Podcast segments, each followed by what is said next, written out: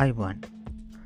දෙවන ලෝක යුද්ධ ඉවර වෙලා අවුරුදු හැත්ත පහක් පිරණ මේ අවුරුද්දේ ජුනිමාසය තිස්වනිද රුසියාවේ රජ ප්‍රදේශයේ විශාල යුද්ධ ස්මාරකයක් විවෘත කෙරුණා. එයට නම් කරලා තියන්නේ රජෙෆ් සෝවියට් සොල්දාදවාගේ ස්මාරකය කියලා. මෙයින් අනුස්මරණය කෙරෙන්නේ රජෆ් අඩකවේ සටන්වලදී ඒ සටන්වලට සම්බන්ධ වෙච්ච සහ හිදිමිය ගිය සෝවියට් සොල්දාදුවන්.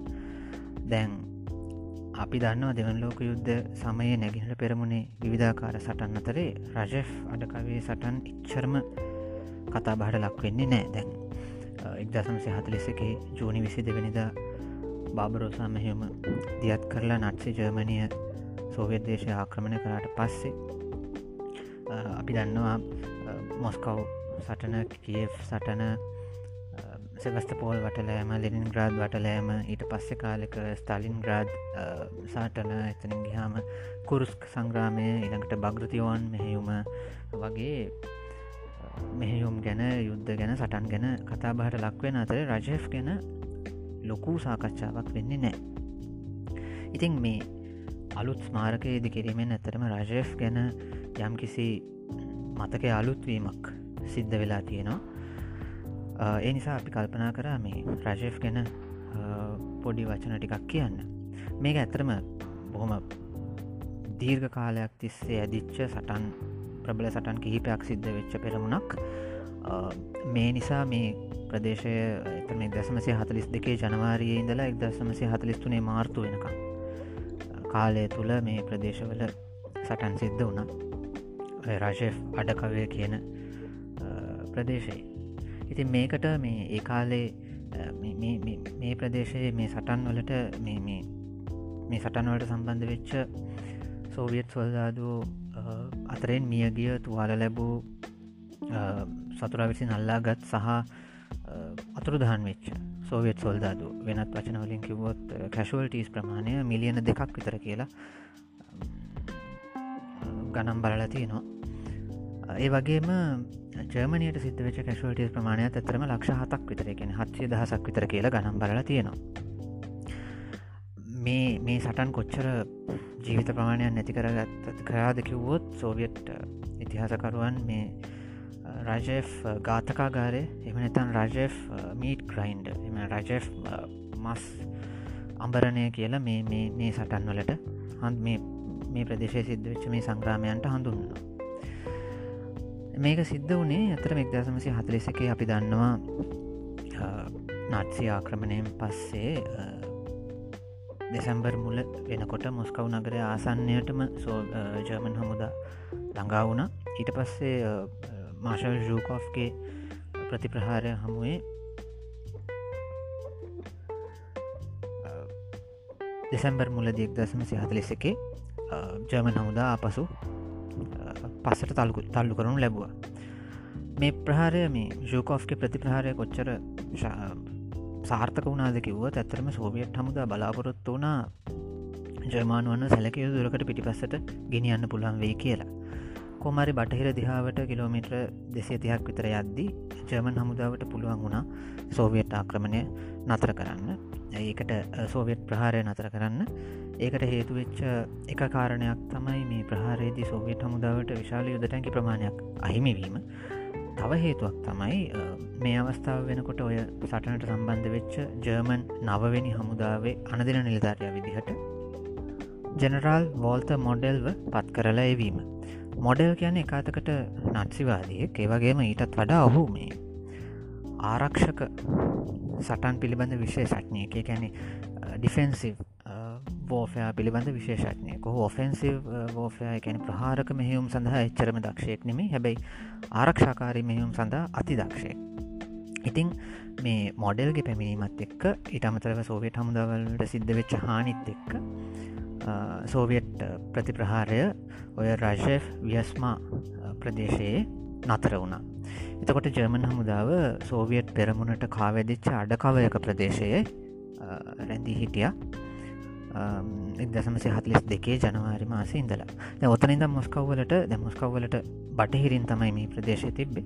ඔතනිද මොස්කව්වලට කිලෝමිට දෙසිය තිහක් වගේ තිබුණ. ඉතින් මොස්කව්වලට නැවත පහරදීමේ හැකියාව ජර්මණයට නොතිබුණා නෙවෙයි. ඒ නිසා අපි දන්න මේ යුද්ධ කාලේ විශේෂම ඔය එක්දසමසය හතලිස්තුනේ ස්ථාලින් රාජ් සංග්‍රාමය ඉවර වෙනකනුත් ස්ටාලින් බයේ හිටියා යම් කිසි ආකාරයකින් මොස්කව්වලට අපහෝ ජර්මණය පහරදී කියලා.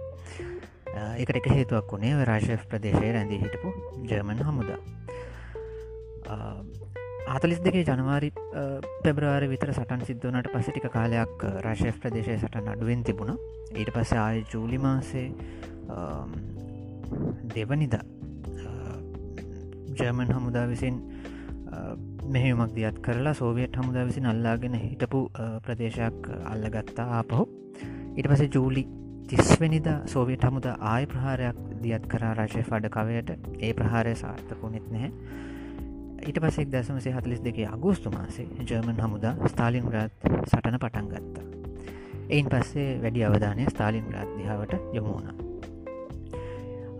ඔහොම තියෙද්දි එක්දස් නමසය හතලිස් දෙකේ නොවැම්බර් වෙද්දී ස්ථාලින්ග්‍රාද් නගරය ස්ථාලින්ග්‍රාද් නගරය ඇතුළට ඇවිල්ල ජර්මන් හමුදා සෝවිට හමුදාවට දරුණු විදිහට පහර දෙද්දි සෝවියට් හමුදා ප්‍රතිප්‍රහාරයක් කෙල්ල කර ඔපරේෂන් ඔපරේෂන් යුරේනස්. මේ දියත් කරේ එක්දස් නමසය හතලිස් දෙකේ නොවැම්බර් දහනමවිනිද මේ මගින් ස්ථාලින් ග්‍රාද් සටන අනික් පැත්තට හැරවුණා ඊට දවස් හයකට පස්සේ නොවම්බර් විසි පස් වෙනිදා රජෙෆ් ප්‍රදේශයේ ඔපරේෂන් මාස් එමනත්තම් මාස් මෙහියුම නැත අඟහරු මෙහියුම කියන්න පුළන් මේ මෙහෙයුම දියත් කර සෝවියට් හමුදා විසින්. සෝවියට් ඉතිහාසකරුවන් පස්සෙ කාලෙක සඳහන් කරේ මේ මාස් මෙහෙයුම ප්‍රධාන මෙහෙයුමක් නෙවෙයි. යුරේනස් මෙහෙයුමට සහයක මෙහෙයුමක් විදියට මොකද රජේෂ් ප්‍රදේශය හිටපු ජර්මන් හමුද ස්ටාලින් ග්‍රාඩ් දිහාවට එන එක නවත්වන්න කරපු මෙහෙයුමක් විදියට තමයි සෝවියට ඉතිහාසකරුවන් හඳුන්නා දුන්නේ. හැබැයි ඇතැම් ඉතිහාසකරුවන් විශේෂම බටහිර ඉතිහාසකරුවන් මේ කාරණය ප්‍රශ්න කරනවා. මොකද යුරේනස් මෙහෙමට සම්බන්ධ වෙච්ච හමුදාසේනාංක ප්‍රමාණයට ආසන් වශයෙන් සමාන හමුදාසේනාංකයක් මාස් මෙහෙවුමට සම්බන්ධ වෙලා තිබුණා. ඉතිං ඔවුන් හිතනවා මේ සෝවියට් බලාපොරොත්තු වනේ රාශය් ප්‍රදේශයෙන් ජර්මානුවන් පලවා හරින්නයි. නමුත් එය අසාර්ථක වුණ නිසා ඉන් පස්සේ ඔවුන් ඒ මෙහෙවුම සහයක මෙහෙවුමක් විදිහට අර්ථ දක්වා කියලා. කෝමරි මාස් මෙහෙමෙන් වෙච්ච එක දෙයක් තමයි ස්ථාලින් ග්‍රාඩ්වලට රාශෂ් ප්‍රදේශයෙන් හමුදා යවන්න ජර්මණයට ඉඩ ප්‍රස්ථාව නැති වෙලා ගිය. ස්ථාලින්ග්‍රාද් සංග්‍රමය අවසාන වේගෙන එන කාලෙ එක්ද සමසය හතලිස්තුනේ ජනවාරි මාසි සෝවියට් හමුදා වැලිකයේ ලූකි කියන ප්‍රදේශය අල්ලගත්තා. එයින් පස්සේ ස්ථාලින්ග්‍රාද් පරාජත් එක්ක ජර්මානුවන්ට තේරුණ තමන්ට රජය තවදුරට තල්ලගෙනන්න බෑ කියලා. එයනු උන් හතලිස්තුනේ මාර්තු මාසේ රජය වලින් පසු බැස්ස මේක බොහොම ක්‍රමාණුකූලව සිද්ධ වෙච්ච පසු බැසීමක් තමන්ගේ හමුදාව සැලකුද ප්‍රමාණය ආරක්ෂා කරගෙන පසු බසින්නට ජර්මානුවන්ට හැකියාව ලැබුණ. ඒ අනුව හතලිස්තුනින් පස්සේ මොස්කව්වලට තිබ්බ ඔය රජෙෆ් ප්‍රදේශයෙන් තිබ්බ තර්ජනය නැති වුණා. ඉතින් ඔය මාස දාහතරක් විතර කාලයක් විධ අවස්ථාවල්ල බරපතල සටන් සිදුවමින් සිද්ධ වෙච්ච දීර්ඝකාලීන සටනක් තමයි ඔය රජස් ප්‍රදේශයේ සටන. ඒ නිසා සාමාන්‍යෙන් අර ප්‍රධාන සටන් අතර අපි කතා නොකලා වුණාට මෙය යුද්ධය පිළිබඳ ඉතා වැදගත්. සටනක්. ඒවගේම විශේෂම ස්ටාලින් මොස්කව්වලට තියෙන තර්ජනය පිළිබඳ බියෙන් පසු වුණා එක් දසමසේ හතලිස්තුනේ මාර්තු මාස වෙනකන්ම එකට හේතුනය රශෂ් ප්‍රදේශයේ ජර්මන් හමුදාරැන්දී සිටීම. ඒ ඒ ඒ බය හේතු වුණා. ඇතරම මේ ඒ බය යුද්ධ සැලසුම්වලදී සාධකයක් බවට පත් වනා එක් දසමසේ හතලෙස්තුනේ මාර්තු මාස වෙන කම්ම ස්ටාලින් හැමවෙලාම මොස්කව්වට හමුදාව රඳවාගෙන තිබීමේ වැදගත්කම පුන පුනා ප්‍රකාශ කලා ඇත්තටම රජෙෆ් වලදී හිටපු රජෙෆ් වලින් හිටපු ජර්මන් හමුද අයින් වෙනකම්. ඉතින් ඔන්නෝකයි රජෙෆ් වල සටනය කතාව. ඉතිං ආය